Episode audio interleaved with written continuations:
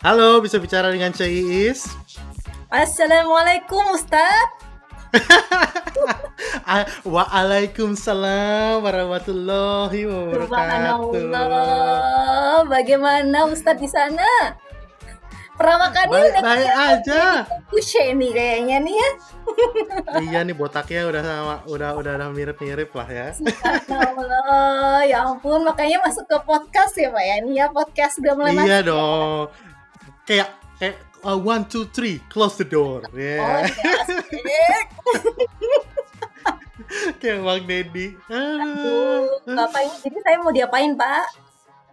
Iya di ya jadi ini episode perdana loh sama Cai Iis loh Oh, baik. untuk ngerekam. Jadi kita ini emang agak-agak kurang pro ya. Cuma eh, ya kita coba aja ya ya. Baik Pak, baik Pak, baik. Siap. Kan kemarin eh, minggu minggu ini sebenarnya sebenarnya gue cuti kan. Jadi gue banyak kayak waktu luang gitu. Terus gue mikir kayak apa ya nih mau ng- ngelakuin apa. Terus eh, ya udah gue mikir kayak oh ya apa bikin podcast aja ya. Terus gue beli mic. Mau mau lihat kan mic gue yang gede gede Oh, banget coba nih. dilihat dong Pak. Saya ini bisa Mic mahal. Pak. Ya Allah tajir ya. Ini ini sengaja ya Pak. Bapak menuju ke ranah bisnis entertainment ya Pak ini Bapak sekarang ini. Saya mau ngalahin Raffi Nagita. Rans Family Oh, Sika. kalau gitu Bapak bisa masukin logo Bapak di KLM dong Pak itu. KLM bisa masuk Oh, dong bisa. Oh, Bisa saya. Inggris Minta. KLM, KLM ya. Eh sama Koning Willem nanti saya minta. Baik Bapak. Jadi bagaimana Pak? Saya Eh. mau diapa ini? Ya, jadi eh, kita ngobrol-ngobrol aja sih sebenarnya. Gue pengen ngobrol-ngobrol tentang topik hari ini itu adalah eh, topik memakai hijab dan tinggal bersama cowok-cowok di Belanda. Iya. Astagfirullahaladzim. Di mana ibu tinggal bersama non muhrim selama di Belanda. Subhanallah, astagfirullah, subhanallah, masya Allah. Bentar ini audiens bapak siapa nih pak? Eh, ibu-ibu pengajian. Jadi ibu Ya bakalan dibakar saya nanti. dihujat dong pak nanti pak. Saya nanti pak. Ah, Iya nanti digotong-gotong. Nanti di- bakalan eh, satpam ibu suruh standby ya di depan karena bakalan ada banyak demonstrasi nanti habis ini. Ya Allah pak, padahal portal depan eh, kosan saya ini udah ditutup loh pak. Dari Februari belum dibuka-buka pak. Ini, ini bagaimana ini pas saya mau dirajam? Oh. saya insya Allah siap dirajam pak. Dirajam Siap dirajam. uang. Kalau itu mas saya juga siap ibu. Berikan saya uangnya. Duh, kan Tapi, kaya, ah, Pak. Iya gue pengen memperkenalin dulu sih ini. Siapa Oh, sih iya, ini iya, si iya, iya. Ceiis Oh iya, ini? iya, wanita tahu ini ya siapa? Perempuan yang satu ini siapa? Iya perempuan jahanam ini siapa gitu Super kan? banget, tapi gila. Nggak tahu. Enggak sih. perempuan perempuan yang satu ini ya, si Riris ini temen gua dari zaman eh, kita kapan sih ketemu kuliah kan tingkat Kapan ya? Iya, tingkat satu kita. Ah, ah, gara-gara PSM Unit. Heeh. Apa itu? Ah, ah. Persatuan Sepak Bola. Makassar. ya tapi kerjanya makan coto Makassar terus Oh, Kita nggak pernah nyanyi. Kemarin, Hmm. baru kemarin bagi itu eh, ada tuh Pak, Coto Makassar buka tuh Pak di Jakarta. Bapak sih nggak balik-balik. iya iya masalah kan tahu kan peliknya saya nggak Iya, iya, pulang-pulang iya, nih iya. kenapa nih Ah, Iya, tapi benar. ya itu jadi kita ketemu di PSM terus Hmm. eh, tingkat satu terus si Riris ini waktu awal-awal kuliah eh, nggak pakai hijab ya Riz kalau zaman Ya, dulu topi, Pak. Belum wig. Sorry, sorry, pakai wig. Mm-mm. Pa- oh pakai wig oh ah, udah rambut palsu ya kepala. Iya, benar. Really ya Heeh. iya terus kayak dulu tuh dek, ini banget ya kayak dulu di PSM itu eh, kan suka banget main yang sampai main sampai pagi gitu-gitu kan Riz yang kayak nonton Benar. film karaoke Nginep. nginep tidur tidur Nginepnya bareng di lah. Oh iya benar. Tidur di mana itu kosan Gema ya pernah ya kita ya? Kosan gem sering, Oh bukannya iya pernah benar lagi, benar benar benar. sering. Terus kayak ya udah kalau tidur kayak udah ngelempar aja kan semuanya. Karena Heeh. kosan Gema paling gede waktu itu. Terus ya udah ngelempar aja. Terus uh, uh, dulu kita pernah ini loh, inget ya Riz? Waktu zaman dulu kita nonton film nggak jelas, film horor yang di Aus- film Australia yang ada Kamehameha. Rumah, bukannya rumah darah banyak ya series ya. Ada rumah darah, ada Forbia, ada yang kita nonton film-film hantu yang di bioskop juga apa judulnya Rom? Ya itu Iya. Nah, i- yang yang itu masih agak jelas. Yang kita nonton berdua itu loh, Riz. Di yang mana sih? PVJ. Itu apa ya Rom? Sumpah gue lupa Rom. Yang film Australia yang jelek banget film horornya. Yang Kamehameha. Pokoknya Oh my god. kayak Iya iya "Ih, jelek banget deh. Emang itu Kan di dulu PVJ apa namanya di Apa? PVJ kan PVJ dulu apa namanya Blitz ya? Di Sekarang Blitz. kan Oh my diganti uh. Iya PVJ. iya iya. Heeh. iya. Ah, di Blitz. Kan Oh Blitz iya suka bener gue ingat tuh film-film benar gak benar. jelas gitu kan. Hmm, hmm, hmm. Heeh. Terus ya Ya udah, pokoknya kayak kan. nah, pokoknya kita kita kita sering main lah ya waktu dulu zaman uh, S1. Uh, kita Hmm. S1 ya di uni- satu universitas yang banyak tai burungnya lah ya. Hmm, hmm, hmm. Eh, Tai burung mau duduk aja ditaiin sama burung. Mau makan juga kan. heeh. Heeh. Terus ya udahlah. Jadi kita udah uh, kenal-kenal-kenal gitu. Terus tiba-tiba di satu hari, alhamdulillah ibu ini mendapatkan hidayah tiba-tiba pem- uh, memakai hijab tiba-tiba gitu kan. Tiba-tiba ya. Tingkat tiga kan, Riz? Atau tingkat empat itu? Tingkat 4 kayaknya. Udah udah awal-awal tingkat 4. Pas masa-masa Oh iya. tesis kayaknya tuh. Kan itu Oh, sudah tidak berkontak-kontak lagi kan setelah kita keluar dari Persatuan Sepak Bola Makassar itu kan. betul. Jadi ya namanya juga udah mahasiswa tingkat tua kan. Waktu itu kita udah ah, Benar. ah, terus ya udah jadi jarang kumpul terus tiba-tiba alhamdulillah ibu ini mendapatkan hidayah gitu kan Ya untuk uh, memakai hijab. Itu kenapa sih, Riz? Eh, alasan? Gue sebenarnya udah tahu sih waktu itu udah nanya. Apa alasannya apa, Riz? Ini jadi supaya para ini ya eh, prolognya supaya gue dimulai untuk dibenci ya ibu pengajian atau gimana tuh?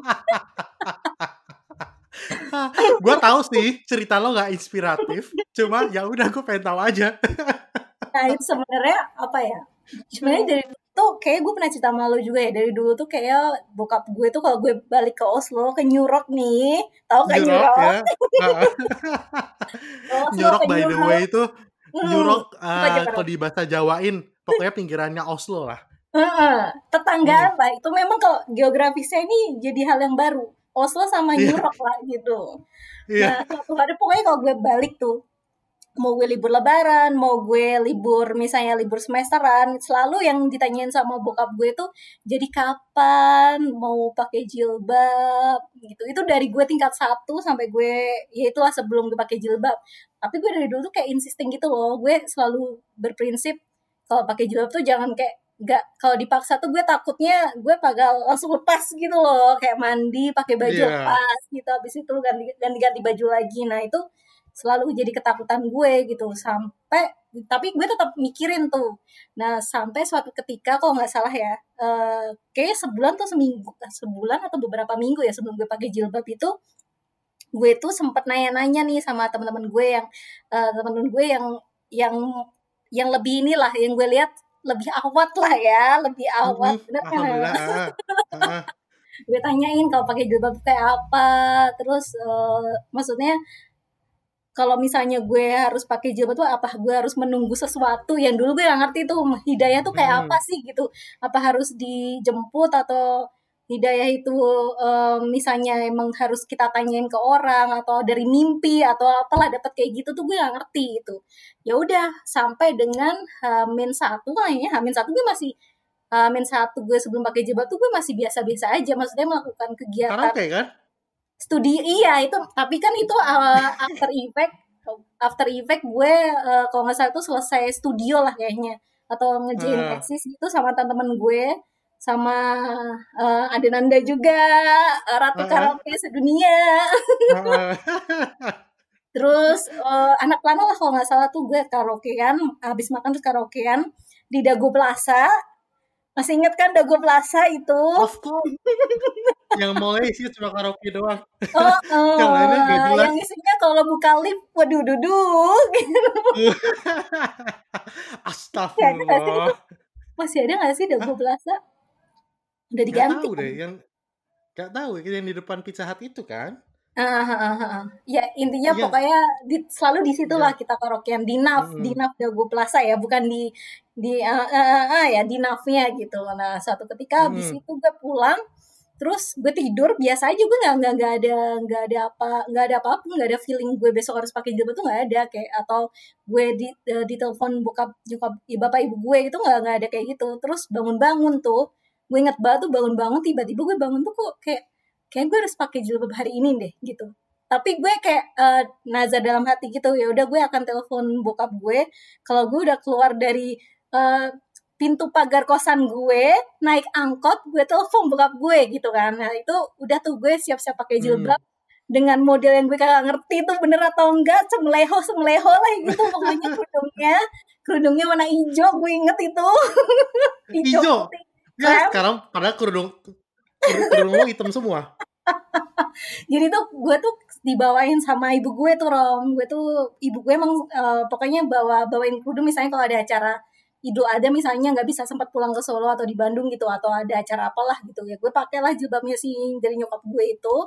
Terus gue inget tuh kalau nggak salah itu ada acara himpunan deh sebelum eh, pas gue tujuan gue berangkat ke kampus itu.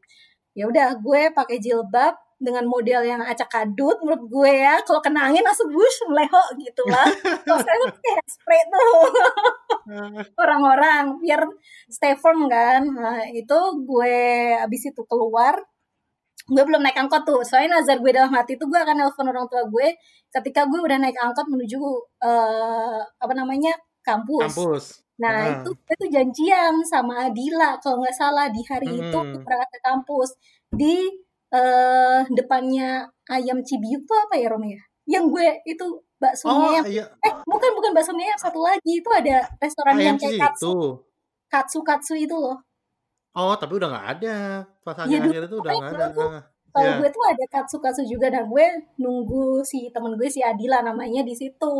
Tapi gue Hmm. tuh posisinya gue duduk nih, duduk sambil nungguin dia. Posisinya itu gue membelakangin jalan, ngerti nggak? Jadi gue duduknya eh, ngadep, nggak ngadep jalan lah pokoknya gitu. Nah, Hmm. suatu ketika terus kayak si temen gue tuh ngechat gue, gue udah nyampe tuh, gue Mana ya udah lo gitu. lah tuh. Terus si temen gue tuh kan bingung nggak ngerti gue gini-giniin, baru deh dia kaget lah si si Dila ini pokoknya segeng sama Nanda lah gitu pokoknya Eh. yang habis karaokean juga nggak nyangka coba pasti lo habis itu jilbab eh, lep- dilepaskan habis ini pasti dilepaskan. Jadi kayak dia juga gak percaya dikira gue cuma nyoba-nyoba doang gitu.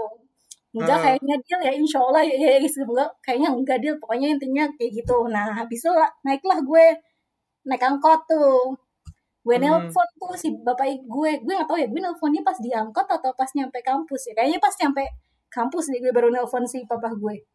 Gue bilang ya bener lah eh, reaksinya cuma Alhamdulillah ya Alhamdulillah. Allah. Panggil mama gue lah itu. Ya pokoknya intinya yang sudah diekspektasikan lah reaksi si bapak ibu gue. Cuman mereka juga ya bilang aja istiqomah gini gini gini gini. Heeh. tapi gue juga nggak tahu tuh eh, maksudnya nantinya tuh gue akan lepas atau enggak atau gue ini tapi gue kayak yakin nggak nggak maksudnya kalau gue udah tiba-tiba pakai jilbab gitu ya gue yakin sih nggak mau nggak mau gue lepas gitu. Iya. nyampe lah gue di kampus lah itu ya long story short ya. Iya. short lah di acara himpunan. Ini acara himpunan apa apa ya? Terus soalnya gue inget banget gue nyampe himpunan semua orang tuh semua orang temen gue lepas lepas gitu loh ya gue tuh beneran pakai jilbab dan yang mau dukung gue. Ya Tapi gitu lah bertanda kan? ya ya pertama kaget "Hah, hah, hah, hah, beneran coba beneran? Pasti dilepaskan besok kayak gitu. Terus waktu pas pas acara ngumpul nih beneran ngumpul rame-rame itu semua orang berteriak lepas lepas. Gue kira gue mau di rajam beneran tuh kayak gitu. Loh tapi bercanda gue yakin Ya, Enggak, ya ya. ta tapi soalnya kan lo orangnya orangnya kan yang kayak, eee, jadi bahan bercandaannya gitu kan, dari zaman Iya dulu. benar, iya iya iya, tapi Kalau ya sama anak-anak plano, juga jadi mungkin ya pasti itu mereka cuman langsung, "Lepas bercanda-bercanda doang. lepas." Tapi banyak juga yang nge-support, Iya. maksudnya ya gitulah, mereka nggak percaya mungkin karena tiba-tiba kali ya, gue juga kaget Rom, maksudnya gue juga nggak tahu kok tiba-tiba gue bangun langsung pengen pakai jilbab gitu, karena sebelumnya gue ya sebenarnya udah ada kayak swing voter lah, duh pakai jilbab gimana ya, gue takut, aduh nanti kalau kalau wisudan pakai jilbab aneh nggak sih gitu, kayak gue sempat kayak gitu sih, kan itu udah menuju tingkat akhir kan Rom, ya intinya gitulah. Awal-awal gue pakai jilbab tuh semua orang tidak percaya. Dikira saya cuma uh, sekali-sekali saja mencoba. Terus uh, ke ketika pertama di hari pertama semua orang pada menyebut lepas lepas lepas begitu Romi itu cerita saya di awal-awal ya lo udah tau lah ya mungkin pas belum lihat gue juga berarti kali Iya. Tapi berat berarti berarti waktu itu lo belum punya lo harus beli banyak dong jilbab baru? Gak punya Rom, gue cuma punya di pokoknya Waktu gue tuh itu? pakai jilbab yang ada di lemari baju gue yang dibawain sama nyokap gue. Gue inget banget pokoknya ada dua gitu yang pink sama hijau. Nggak mungkin kan gue pakai yang pink lo tau kan? Jadi gue pakailah yang hijau krem gitu. ya Eh, gue pakai yang les inilah kan les iya berarti lo ber- berarti ya lo harus beli banyak dong, beli beli baru. Terus baju-baju lo kan lo banyak kaos-kaos gitu kan zaman Iya kuliah, iya jadi lo harus beli iya yang ya, lengan ya panjang gitu-gitu. Iya ya awal-awal itu gue kapan ya? Kok gue lupa ya Rom ya gue lah ini beli. Oh ya setelah gue pakai jilbab tuh kayak beberapa hari kemudian tuh banyak teman-teman gue tuh yang ngasih gue jilbab Rom. Kayak salah Mm-mm. satu bukti buat nge-support gue kali ya beberapa temen gue ngasih gue jilbab dari himpunan gue dari Gamais Plano ya Gamais Plano juga ada yang ngasih jilbab terus Oh, eh, tante gue juga kayak ada gue punya saudara juga di Bandung kan yang kayak nge-support gue sih ya abis itu ya gue restock lah baju-baju tapi awal-awal tuh kayaknya gue masih pakai jilbab tuh yang ya maksudnya masih belum tahu lah yang benar tuh kayak gimana. Jadi suka melorot suka ini. Tapi mm. eh, kayak kepanasan sih gue gak merasain ya. Karena awal-awal ketakutan gue pakai jilbab dulu tuh juga kayak kepanasan. Terus nanti Mm. pokoknya gitulah nanti kalau gue kepanasan terus merasa aneh lepas gimana. Nah untungnya gue nggak nggak merasa kepanasan tuh pas gue pakai jilbab tuh. Cuman ya Mungkin lo eh, keramasan pakai sampo-nya Inneke Koesherawati yang oh waktu itu ya sampo hijau. bener. Jadi anti lepek ya. Anti Lepek ya. lepek bener Tapi lo ada yang berubah nggak eh, setelah lo pakai hijab? Ya, Lo rasa dari dalam diri lo. Dan dari luar sih juga. dari dari dalam itu ya pastinya kalau lo pakai jilbab maksudnya kan ada ada ada orang yang bilang kan lo pakai jilbab dulu kalau lo udah benerin maksudnya attitude lo gitu kan lo ibadahnya makin Hmm. naik atau apa gitu nanti kalau lo merasa maksudnya kalau lo belum bera- merasa belum bener lo kalau pakai jilbab nanti orang-orang pada eh, takut dijudge kalau gue sih sebenarnya kalau dari dalam ya pasti karena gue udah pakai jilbab sih ya intinya gue tetap at least ningkatin lah Rom ya. Namanya kadar kadar ibadah orang kadar iman orang kan pasti naik turun ya Rom lo nggak bisa nggak bisa Iya, mempertahankan lo akan betul. selalu di atas terus kan. Tapi ya gue berusaha supaya lebih lebih baik lagi sih gitu dari sisi dalam. Walaupun gue nggak kayak merasa merasa apa ya ngedikte gue kalau gue tuh udah bener banget nih udah tobat banget tuh ya enggak lah Rom namanya juga manusia kan belajar tapi gue berusaha ya men- apa namanya mempertahankan iman gue di jalur yang benar gitu sih Rom. Kalau dari Iya. luar sih support teman-teman sih lebih ya itu yang tadi gue ceritain itu yang nunjukin dengan ngasih eh, apa namanya kayak kalimat afirmasi lah gitu afirmasi bagus kok pakai jilbab gitu bagus bagus bagus lebih ini kayak gitu kadang-kadang merasa oh lebih lebih beda ya ambience Tapi nggak ada yang jadi. halo Iya, tapi ada yang kayak jadi lebih. Halo, halo, denger nggak? dengar dengar dengar dengar. Halo. Ah, Oke. halo Rom Ah, tapi ada yang halo. jadi lebih lebih hati-hati nggak? lebih Ha, apa kabar dunia? Alhamdulillah mewarnai hidup anda Tapi ada yang jadi lebih hati-hati nggak kalau ngobrol-ngobrol? Hati-hati tuh maksudnya gue harus memilih-milih temen gue yang harus sesama akhwat gitu, sesama muslimah. Begitu Enggak enggak enggak, ma enggak, maksudnya enggak, eee, kan biasanya kalau lo pakai Oh, hijab jadi karaoke. orang-orang jadi kan segen segen ngajakin lo misalnya kalau misalnya karaoke lagi keluar atau, Enggak sih, eee, kayaknya segala? Kayaknya ya Rom ya di lingkungan maksudnya di lingkungan kita ya Rom ya, maksudnya bahkan di plano atau di unit atau kayaknya di in general di lingkungan pertemanan kita kayaknya nggak ada yang sampai ekstrim maksudnya yang nggak ada yang sampai kayak eh nggak karaoke tuh nggak boleh kayak di lingkungan di lingkungan ini ya lingkungan gue gitu ya circle di plano ataupun di itu kayak nggak ada yang kayak gitu nggak ada sih Rom maksudnya sampai kayak gitu Oh, oke. Nah, iya ya gue merasa lo nggak ini sih nggak berubah sih sebelum dan sesudah pakai. Mm. maksudnya in terms of personality maksudnya lo tetap menjadi diri lo yang sama gitu. Walaupun kayak di inner lo kan lo akan uh, lebih kayak mencoba untuk uh, beriman lagi tambah beriman uh, lagi kayak gue kayak mengenal gitu-gitu kan? gitu ya Rom ya? Astagfirullahaladzim. Lebih ami ye maksudnya kan kayak iya iya lebih rajin pak. sholat. Heeh, gitu bu. Saya kan takut salah baik. salah ngomong nih. Iya bentar pak. Bapak ini podcast episode pertama memilih topik yang sangat sensitif pak. Iya kan uh, melakukan fusion fusion dialog nih antara agama dan ketidakabsahan aduh. Aduh ini beneran Eastern dan Western ya pak ya? Digabung iya ini. betul. Heeh. Nah, terus ngomongin Eastern sama Western kan kita kuliah aduh. bareng lagi kan di S2 di benar. uh, alhamdulillah di ketemu ya pak ya. negara Londo bertemu lagi lah. Terus saat itu kita susah banget cari rumah kan waktu awal-awal Mm-mm. karena lo tadinya mau ke UCL ya, seinget gua. ICL Terus ICL awalnya ah pokoknya lo mau ke London lah intinya mau ke UK Mm-mm. lah ya. Ah, Mm-mm. lewat jalur LPDP waktu itu kan beasiswanya. Mm. Cuma waktu itu ada sempat masalah karena programnya ditutup atau gimana gitu kan. Benar Pak, jadi itu tiba-tiba suatu ketika si gue kan awalnya mengambil transport sustainability kan Rom di si Ah, di di London itu. Nah terus gue suatu ketika tuh di chat sama di chat lagi di email sama si orang admissionnya. Kalau dia bilang karena pengajarnya tuh, jadi pengajarnya ini ditutup, jadi gue harus suruh reapply lagi untuk jurusan transport tapi yang bukan yang sustainability itu. Disuruh ngambil mm-mm. yang trans yang engineering lah transport engineering. Ya udahlah gue apply tapi itu sampai lama banget lah. Pokoknya intinya lama banget dia tuh nggak ngasih notifikasi. Padahal gue kan ada batas kalau di LPDP kan ada batas differ gitu kan. Lo harus at the latest lo harus ngasih tahu lo akan ganti kampus dan lo eh, berangkat di periode ini bulan kalau nggak salah tuh bulan Mei atau Juni gitu Mei atau Juni. Nah gue tuh bu- Mm. udah mepet banget lah nggak dapat informasi tapi gue udah dapat si LOA-nya si Del. Nah terus gue berkontemplasi bertanya-tanya seperti biasa ya kebingungan-kebingungan ini Riris seperti biasa insekuritasnya Riris.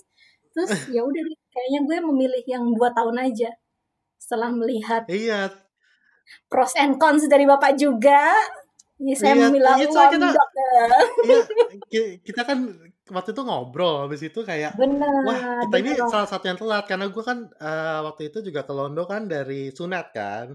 Iya Nah iya Sunat dan itu kan selalu telat.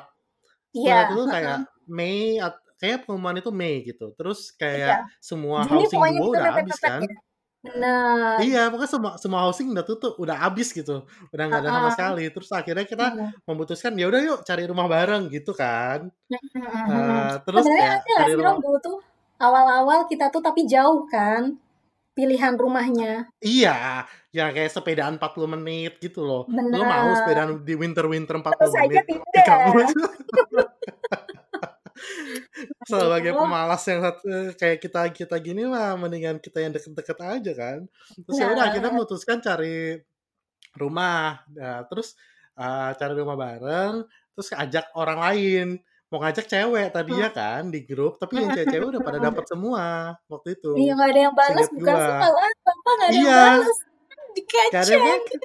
Iya, dikeceng cuekin iya. Jadi gue ngajak waktu itu, seinget gue, gue ngajak yang sunat lagi. Jadi sunat itu waktu di Delft ada gue, Olga, sama Brian. Terus si Heeh. Olga itu ternyata udah bayar di Raceway. Heeh. Mhm Terus, eee, si tinggal Brian, terus Brian mau, ya udah kita bertiga kan. Terus ternyata terus kita dapet rumah yang dari Room Plaza. Iya, Nah, yang bener. heeh, dapet dari Room Plaza terus yang kayak, "Oh, tapi ini rumah berempat nih." Terus ngajak lagi, terus ya udah gue random. Kan, eee, waktu itu di grup Telegram waktu itu ya, masih Telegram. Kayak di list gitu, kayak siapa nih yang belum dapat rumah, terus ada lah namanya Yunisar Pragistio.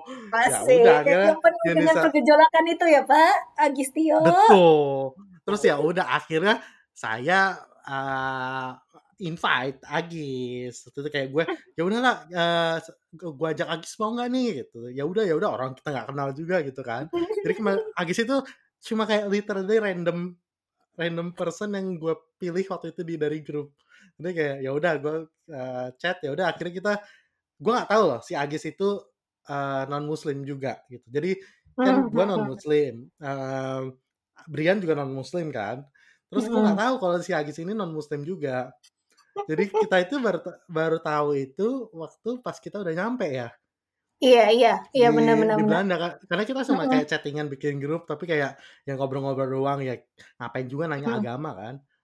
Iya, Kayak, ngapain eee, iya ngobrol-ngobrol heeh, terus pas nyampe Mhm. ternyata si Agis ini juga non-muslim. Jadi sebenarnya lo itu tinggal bersama 3 non-muslim, 3 Su cowok waduh, non-muslim di dilema besar dalam hidup ini ya, Pak, ya.